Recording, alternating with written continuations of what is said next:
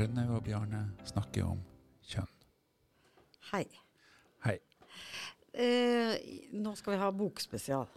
Og det er jo fordi at vi har så veldig busy eh, kollegaer som eh, vi ikke får kommer i studio. Men vi lover en i november. Der har vi en avtale. Det har vi. Og så eh, det, hvis det er noen som føler seg kallet, så skal vi ha et julespesial, selvfølgelig. eh, og da eh, kan vi også ha gjester. Men, eh, men vi, vi skjønner jo at folk er litt redd for å være i studio sånn plutselig. Vi er litt skumle. Ja. Um, så i dag så i, har vi da, som tidligere sagt, bokspesial. Og det er særlig pga. at du har lest en av dine Litt som, eh, som jeg har med Bourdieu, så har du dette forholdet til denne mannen her. Uh, ja, det er et avstandsforhold, skal vi ikke si det sånn, da. Ja ja, det er det ofte. Ja, en som heter Kevin Komashiro. Og hvorfor er du så opptatt av han? Uh, det er en um, fyr som jeg kom i kontakt med sånn, i, sånn litterært um, som en anbefaling fra en kollega på Universitetet i Tromsø. Merete Hernes Gjertsen, som er dosent i samfunnsfag. Hun tipsa meg om normkreativitet, eller normkritikk primært, og Kevin Komashiro. Og han er en eh, amerikansk lærer, og skoleforsker og aktivist. Jobber mye med likestilling og med sosial rettferdighet i skolen og i utdanning. Og han har jobba mye med å utvikle en sånn skeiv pedagogikk og en antiundertrykkende pedagogikk for skolen. Mitt møte med han handla eh, først gjennom boka 'Troubling Education, Queer Activism and Anti-Oppressive Pedagogy' fra 2003, som jeg da ble anbefalt av Merete. I denne boka så um, utfordrer Komashiro skolen til å åpne for en mer anti-undertrykkende pedagogikk. Og for å vise det så presenterer han på det fire tilnærminger for hvordan skolen forholder seg til de som ikke er en del av normen. Da. Og det her er jo i en amerikansk kontekst, men jeg tror nok vi kan kjenne oss igjen til en viss grad. Den første kategorien er det som, det som kalles for undervisning for de andre. Altså Da handler det om å undervise grupper som marginaliseres, som er de andre, altså the other, som er i forhold til utafor normen. da. Det kan handle om å skape trygge rom for ulike varianter av seksualitet og kjønnsuttrykk, og utvikling av en slags kultursensitivitet. Eh, I en sånn her eh, måte å jobbe, så vil man da ha en strategi der at fokuset rettes mot de som er som majoriteten mener er em, minoritet, eller som majoriteten ikke kjenner så godt til. Og utfordringa med en sånn eh, måte å jobbe på, er at man da vil eh, det Svakheten er at det innafor-utafor-dikotomien i liten grad problematiseres. Og det Hvem er det som bestemmer hvem som er innafor og utafor? ja, vi bestemmer jo hvem som er innafor og utafor. Mm. De som ikke passer inn. Det jo, vi kan jo tenke oss at det er øh, Sånn som vi har hatt det tidligere i Norge, med spesialskoler for ulike funksjonshemminger, er jo en sånn type innafor og utafor. Egne skoler, egne opplæringer. Sånn. Eller for andre som faller utafor. Den andre formen han nevner, er undervisning om de andre. Og da er det jo mer at vi lærer i skolen om andre grupper som vi ikke er en del av. Uh, og det kan være med på å nyansere en slags forestillinger om ulike minoritetsgrupper. Og på samme måte som den første, så vil også asymmetrien være til stede. Den tredje formen, education that is critical, privileging and othering, um, her flyttes fokuset til ulike strukturelle forhold. Til hva som defineres som normalt og ikke normalt. Og til hvordan ulike grupper får eller bør beholde privilegiene sine. Vi har jo en del privilegier. under. Ja. Ja. Og de vil vi gjerne ha. ja. Så, og det gjør jo at det er vanskelig å gi slipp på de. Ja. Sånn at eh, et Fordelen med sånn her, denne tredje strategien er jo at det skaper en bevisstgjøring, men at den i liten grad fører til endring. Ja. For folk vil jo ikke gi slipp på ting. Nei. Det vet vi jo. Ja. på mitt favorittordet mitt som heter patriarkatet. Det skal Ja. vi komme tilbake til. Ja, så artig. Ja. Du er for patriarkat, ikke sant? Kan vel ikke si det. Den fjerde strategien til, eh, Kevin, min venn Kevin, er undervisning som endrer eh, studenter og samfunn. Mm. Mens de tre første typologiene er liksom ting vi kjenner til allerede, som er opptatt av sosial endring gjennom kritisk pedagogikk, så er den fjerde knytta mer til diskursive forhold. Det handler ikke bare om uttalte og bevisste, men også uuttalte og ubevisste. Eh, og det tause. Eller som eh, Merete Hernes Gjertsen skriver, det som bringes til taushet. Ja. Mm. Mm. Det handler om at man i sterkere grad ser seg sjøl, og hvordan hver av oss er med på å opprettholde andregjørende diskurser i undervisninga. Målet her er å skape, eller endre asymmetrien til symmetri. Eh, Komashiro skriver i boka at det er viktig at vi er bevisst i holdningen som finnes i skolen.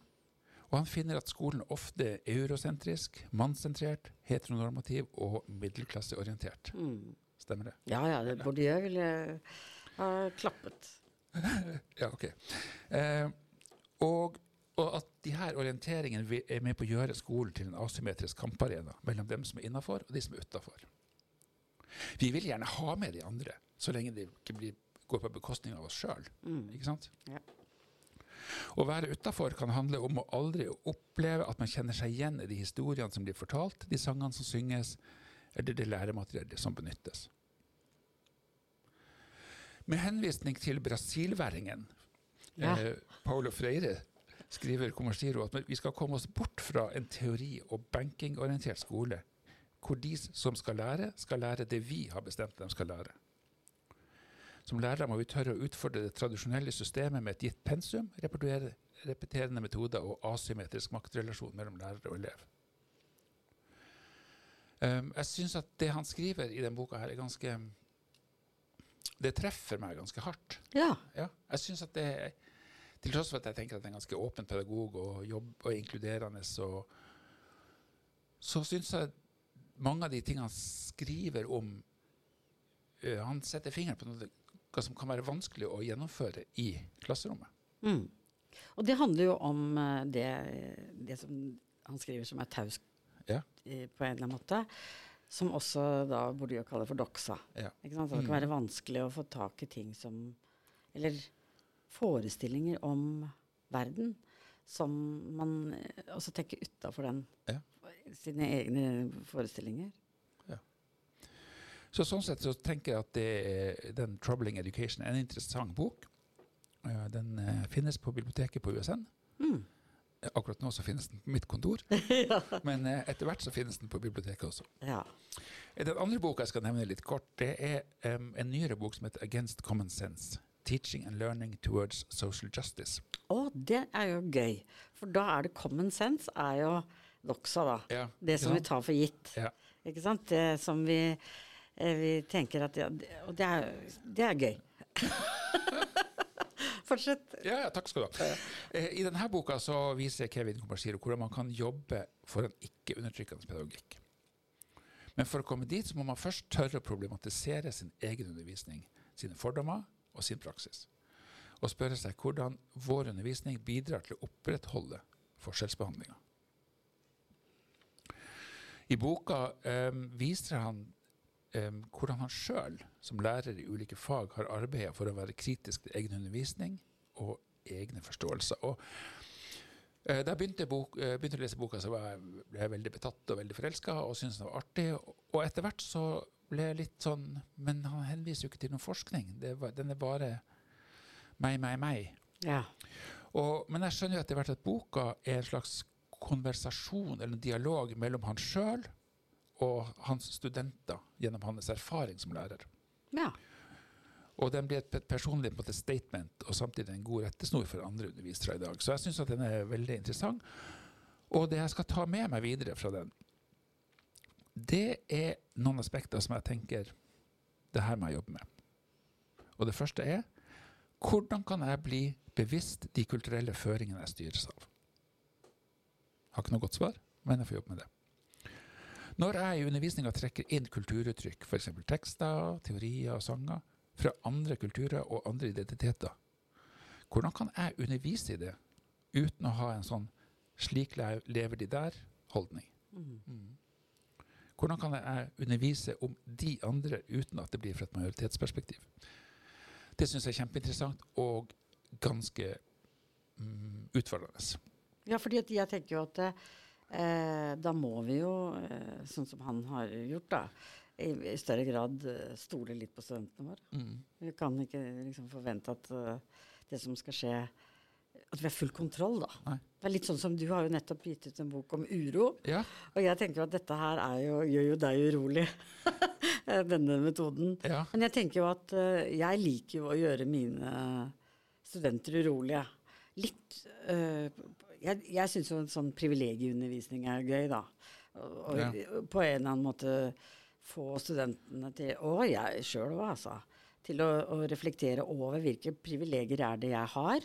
Og som du sier, de man holder fast i. Men det, det kan jo hende at jeg eh, kanskje er ubevisst disse privilegiene. sånn at hvis jeg blir bevisst dem, så vil jeg tenke å ja, ok, jeg kan uh, Akkurat som når det er dyr strøm. Jeg kan godt ta så ikke, Jeg kan slå av lyset i det rommet. Altså at man på en eller annen måte tenker at ok, mitt, ved å opprettholde mitt privilegium, så vil jeg uh, bidra til eh, noe som jeg egentlig ikke ønsker. da. Ja, så du kan slå av lyset i de rommene du ikke bruker, men du vil aldri finne på å slå av lyset i de rommene du sjøl bruker. Nei, Fordi ikke... at det er et privilegium ikke sant? å ja, kunne sitte i lyset. Ja, ikke sant. Ja. Så det er kjempebra. Og så Det siste punktet jeg tenker at jeg skal trekke inn fra den boka, er at um, hvis man har en gjennomgang av studie- og emneplaner på USN med det her fokuset, ja. hva finner vi da? Mm finner vi eurosentrisme og patriarkatet med store bokstaver. I alle fall så kan du si at vi, det er nok, i hvert fall i samfunnsfagene, i den grad jeg husker alt som står på disse, ja.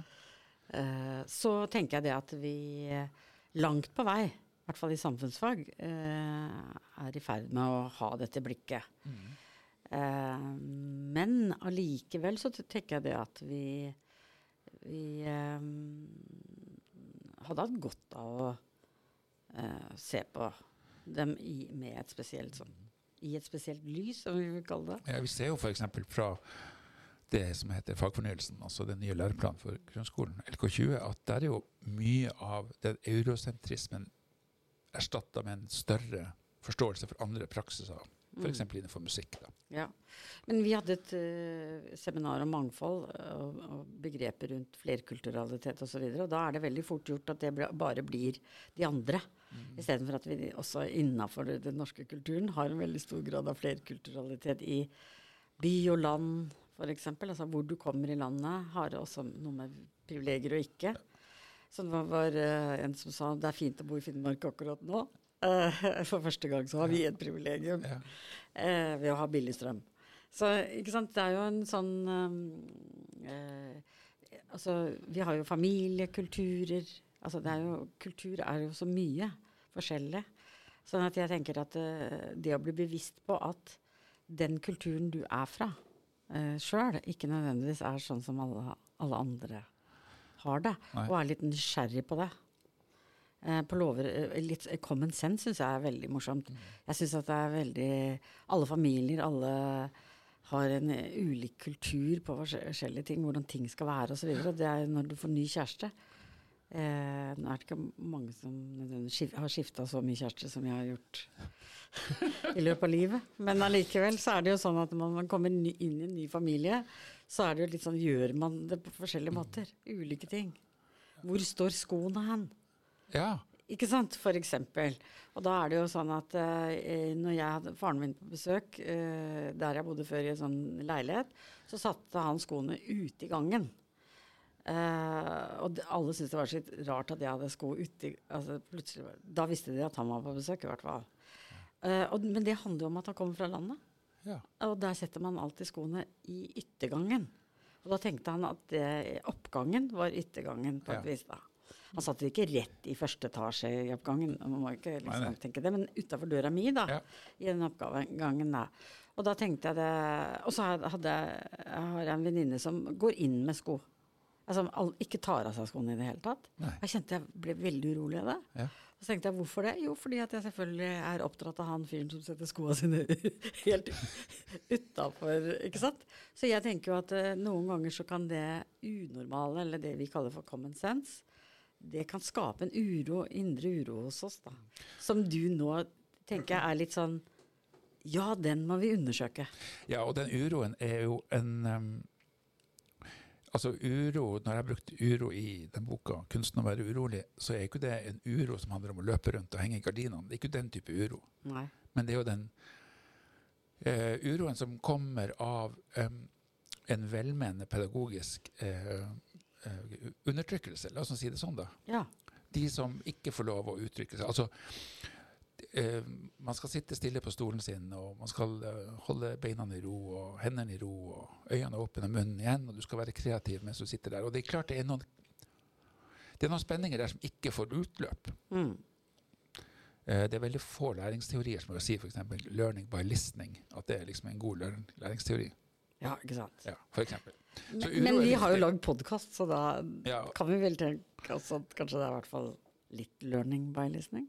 Ja, ja da. Men jeg tenker at hvis det, man reflekterer også, så hjelper det jo litt. Ja, det hjelper. Mm. Men så jeg tenker jo at uh, uro er fint uh, når du kjenner på det, istedenfor å da uh, bare slå ned på det og tenke at dette er utafor, så må man kanskje finne at dette her er innafor. Mm. Eller hvorfor er det jeg tenker at dette er utafor? Ja. Mm. Så bra. Det var egentlig det jeg skulle si om de to bøkene til Kevin, som jeg anbefaler på det sterkeste. Det er bare Ja. å løpe og kjøpe eller lån. Ja. Skal vi se, vi skal videre, og da har vi vel en bok til vi skal snakke om. ja, vi har en bok som, som vi har noen kollegaer i, eh, på Universitetet i Agder som vi så plutselig hadde lagd en uh, veldig spennende metodebok. Som heter Kjønns- og seksualitetsmangfold i skolen. Ja. En metodebok av Thea Litchi. Og den fikk vi i posten. Jeg er kjempeglad for det. Og det kan vi jo bare oppfordre folk til å skrive til henne på, i Agder, så får Ja. man eh, kanskje boka. Ja. Ja. Det er jo en artig bok. Jeg synes den er, det er fra Senter for likestilling på UiA. Um, bygd opp eh, pedagogisk og spennende på en gang. Starter veldig innledningsvis med litt sånn begreper og de akronymer knytta til liksom de bokstavene som man eh, kanskje syns er vanskelig å uttrykke i riktig rekkefølge uten å tråkke på noen. LHBT minus pluss Q. Ja. På lista hennes var det uten Q, så vi. ja. For hun har jo da LHBTIA, som Ja. står da for lesbisk, homofil, bifil, transperson, interkjønn og aseksuell. Ja. Aromantisk. Se der. Ja. Sånn at jeg, men så har man oppsummert det, og da fikk jo jeg svar på spørsmålet på hvorfor skeiv Ja.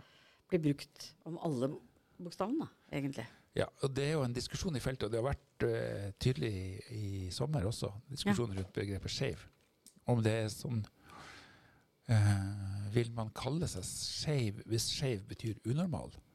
Ja, nemlig. Ja. Mm. Men sånn, eh, i den boka så brukes skeiv som begrep for å Egentlig ikke for, un, altså for å unngå å undertrykke de som da ikke får sin bokstav i akronymet. Ja, Ja, alle skal med. Alle skal med. Ja. Og i denne boka, altså, bortsett fra det, så har jeg en fin gjennomgang av skeiv historie. Og hun skriver jo også at man eh, etter en eh, oppramsing av bokstaver velger å bruke begrepet skeiv videre, Mm. for det gir en slags eh, ryddighet. Så har boka en sånn fin eh, teoretisk del med en del om normkritikk. Det synes jeg jo er, det snakker jo veldig til meg, da. Mm. Andregjøring, som jeg snakka om i dag. Psykisk helse og minoritetsstress, for å nevne noe. Så du tenker at hun har brukt den boka som du har referert Jeg til har ikke Kevin? sjekka om, om det står på litteraturlista, men det kan du sjekke mens jeg snakker. Ja, det kan vi gjøre. Eh, og så bo, har boka eh, delkapitler knytta til alle ti fagene i grunnskolen. Komashiro med K. Kom og giro med K. Kumashiro. Ja. Eh, og jeg synes at den, eh, Nå har ikke jeg brukt den i min egen undervisning, eh, men jeg syns den eh, fremstår som spennende og aktuell. Lett å ta i bruk. Og jeg tenker at den anbefales. Finner du den. Nei. Nei, nei men det er sikkert mange som har tenkt de tankene. Ja, men så har de sikkert brukt den, og så Ja. blir den borte på veien. Men du tenker at i forhold til det vi snakka om tidligere i dag, da, så ha, har hun klart seg? Ja. Innenfor. Hun er Hun, innafor? hun er, hun er innafor, og så er hun utafor. Ja. For det tror jeg vi alle Vi er alle utafor. Det finnes ikke et innafor og utafor, egentlig. For alle vi er jo Vi er jo alle er jo en eller annen minoritet i Ja. med en majoritet. Uansett, liksom. Ja. Ja. Det var bra oppsummert. Ja, eh, tusen takk. Også, men det også jeg må si, er at det er fine bilder. Ja. Illustrasjoner. Mye gøy som man kan Linker til alt mulig rart som man kan leite seg frem. Så det er absolutt en metodebok. Ja. Ja. Og eh, sånn uh, Den står eh, tydelig på, på kontoret mitt. Ja.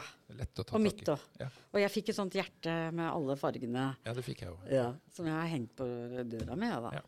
Så vet vi hvor feministen uh, Ja, det er greit å vite. Den skeive feministen er. Gå etter hjertet. Ja. Men så tenkte jeg at jeg skulle ha litt sånn eh, på slutten. Ja. Og det var jo, hun eh, var jo inne på forrige podkast òg. Men nå nærmer vi oss vintersesong. Og da syns jeg det er en sånn fun fact hun har.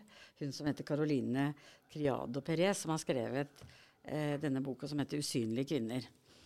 Og hun er, apropos common sense, eller liksom det vanlige Jeg syns det er så gøy. Eh, hun tar liksom de vanlige tingene, og så eh, stiller hun spørsmålstegn. Og en av de tingene hun mener eh, er et prosjekt som er i Sverige. Og der, vi er jo veldig glad i Sverige når det gjelder kjønn og likestilling. De er fryktelig flinke. Ja. Men det som er gøy her, er at dette også foregår i kommunestyrene. Og dette handler om kan snørydding være kjønnsdiskriminerende? Er problemstillingen. Ja. Og, og det finner hun jo ut at det er. Og da skal jeg forklare litt Ja, hva hun tenker. Og det er jo det at eh, for det første så finner hun at de fleste eh, Hvis du deler på kjønn da, som kategori, så er det de fleste som tar offentlig transport, og de som går, er kvinner. I utgangspunktet. Det er et utgangspunkt. Og så, eh, men så må man liksom som sjef i kommuner osv. Så, videre, så må man tenke hva er det vi bruker penger på, selvfølgelig. Og eh, særlig i Nord-Norge, der du kommer fra, så må jeg si at eh, jeg har aldri sett så mye snø, selv om jeg vokste opp på Hardangervidda. Der blåser det bort, vet du. Men eh, jeg, var, jeg var i Tromsø i eh, april-mai, og det var så mye snø. Jeg tenkte eh, Her bruker de mye penger på snørydding. Men det som er interessant, er jo om man bruker eh, penger på hvilken type snørydding. Og Det som jeg syns er gøyalt her, er at hun sammenstiller to ulike statistikker. Og det gjorde de da i en kommune i Skåne. Og det var jo at de fikk veldig mye lårbeinsbrudd og eh, eh, håndleddsbrudd i, i vintersesongen. Og når de så på hvem er det som forulykket, så var det i flertall kvinner. Og det handlet jo om at kvinnene gikk på fortauene som ikke ble måkt. Ikke sant? Og det de finner ut da, er at eh, kostnadene av disse fallulykkene til de kvinnene eh, av en eneste vintersesong var estimert til 36 millioner. Det er mye er penger på brudd, eh, ikke sant? Og eh, hun sier at estimatet er kanskje litt lite, egentlig. Men det som er interessant for en kommune, er jo at eh, det å, hvis de hadde, hadde måkt disse fortauene, så hadde, som hadde kosta bare halvparten. Ja. Ikke sant? Sånn at man, det, når man tenker statistikk, hvor er det vi skal knipe igjen? Og vi er jo midt i en sånn budsjettdiskusjon eh, nasjonalt nå. Er jo eh, hva er det som eh, gir utgifter, og hva er det som gir inntekter, på en måte? Utgifter til inntektservervelse, heter det vel. Og jeg syns jo akkurat det der med snørydding har jeg opplevd sjøl. Altså, altså, Tønsberg har, må ha et veldig dårlig budsjett på det. Jeg vet ikke åssen det er i Moss, der du bor. Ingen aning. Nei, nå vet ikke det ennå. Men i hvert fall.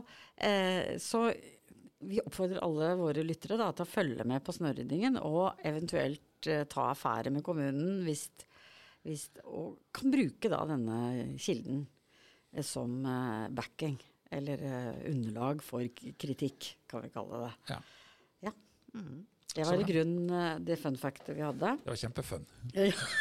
det er jo ikke så fun, egentlig, men det er jo gøy å sammenstille Ja. sånne uh, ting. Og det gjør hun i denne boka, da, Ja. som heter 'Usynlige kvinner'.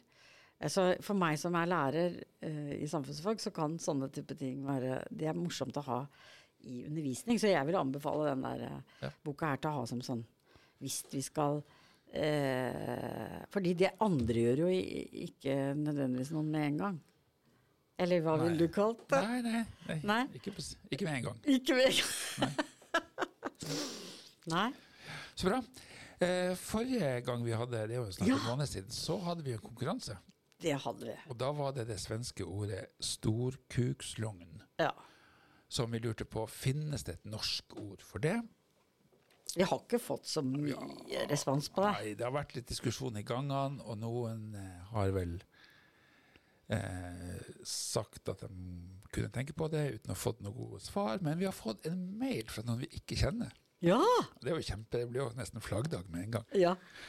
Eh, Chris Neumann Ruud har en liste på ulike ord eh, som eh, er åpen for tolkning. Ja. No, noen er veldig tydelige.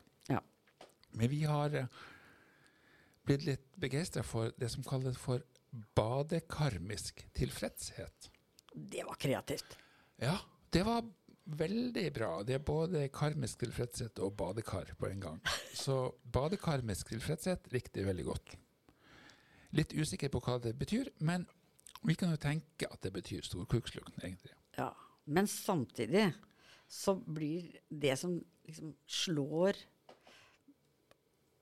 ikke sant, med Ja. det derre kuk, ikke sant, det blir jo borte, da. Så Det blir jo mer kjønnsnøytralt, for så vidt. Ja, det er sant. Eh, og det, vi liker jo det. Men Ja. eh, samtidig så liker vi det som slår litt hardt. Ja, det er Ja. det. Ja, og så fikk vi også fra noen i korridoren her som foreslo sånn storkuksro. Ja. Og da er det bare lungen som byttes med ro. Ja. Og så det går jo an, det òg, da. Ja. Men det som er utfordringen, er fremdeles, syns jeg, da, at uh, det ikke Altså, kan kvinner ha storkoksro? Jeg, jeg, bare for å si det, jeg, synes, jeg er ikke så tilfreds med det. Nei. Og jeg syns ikke det er noe moro å ha baller heller. Eh, så kanskje man kunne finne noe annet.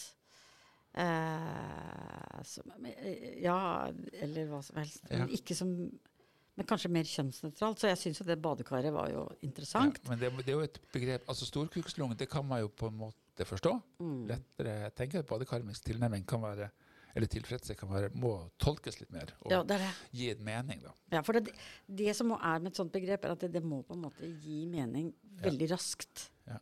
Ikke sant? At det, man kan si det, og så skjønner man veldig mye, liksom. Mhm. Så vi takker Chris for tilbudet, og så jobber vi videre. med- Ja, fordi vi da vil oppfordre folk til å fremdeles Og vi lurer på om vi har veldig få lyttere. Ja, det har vi lurt på om vi har én lytter, eller kanskje Ja. to. eh, og så hadde vi tenkt å bare si altså det blir neppe hardt arbeid hvis vi har én lytter. Men eh, hvis dere vil ha en e-post når det kommer en ny episode som kommer med ujevne mellomrom, så send en e-post til meg, da. Ja. Bjarne.isaksen.usn.no. Ja. Så blir, får du eksklusiv e-post. Å, det vil alle ha. Ja. Men da er vi kommet ved oktoberspesial Ja. eh, ferdig. Mhm. Og eh, da gleder vi oss til november. Da skal ha, ha en eh, date, Yes. med, Date, ja. ja, med Tony Burner. Ja. Så sånn sett så kan dere glede dere til det. Og vi kan grue oss litt, fordi vi har aldri hatt noen i studio før. Men det må vi prøve på Ja. for første gang. Så, men Tony tror jeg det, Han snakker i vei. Ja. Så det går Satser fint. på det. Ja. Bra. Da sier vi takk for i dag.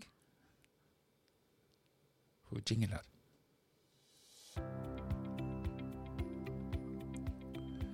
Rønnaug og Bjarne snakka om kjønn.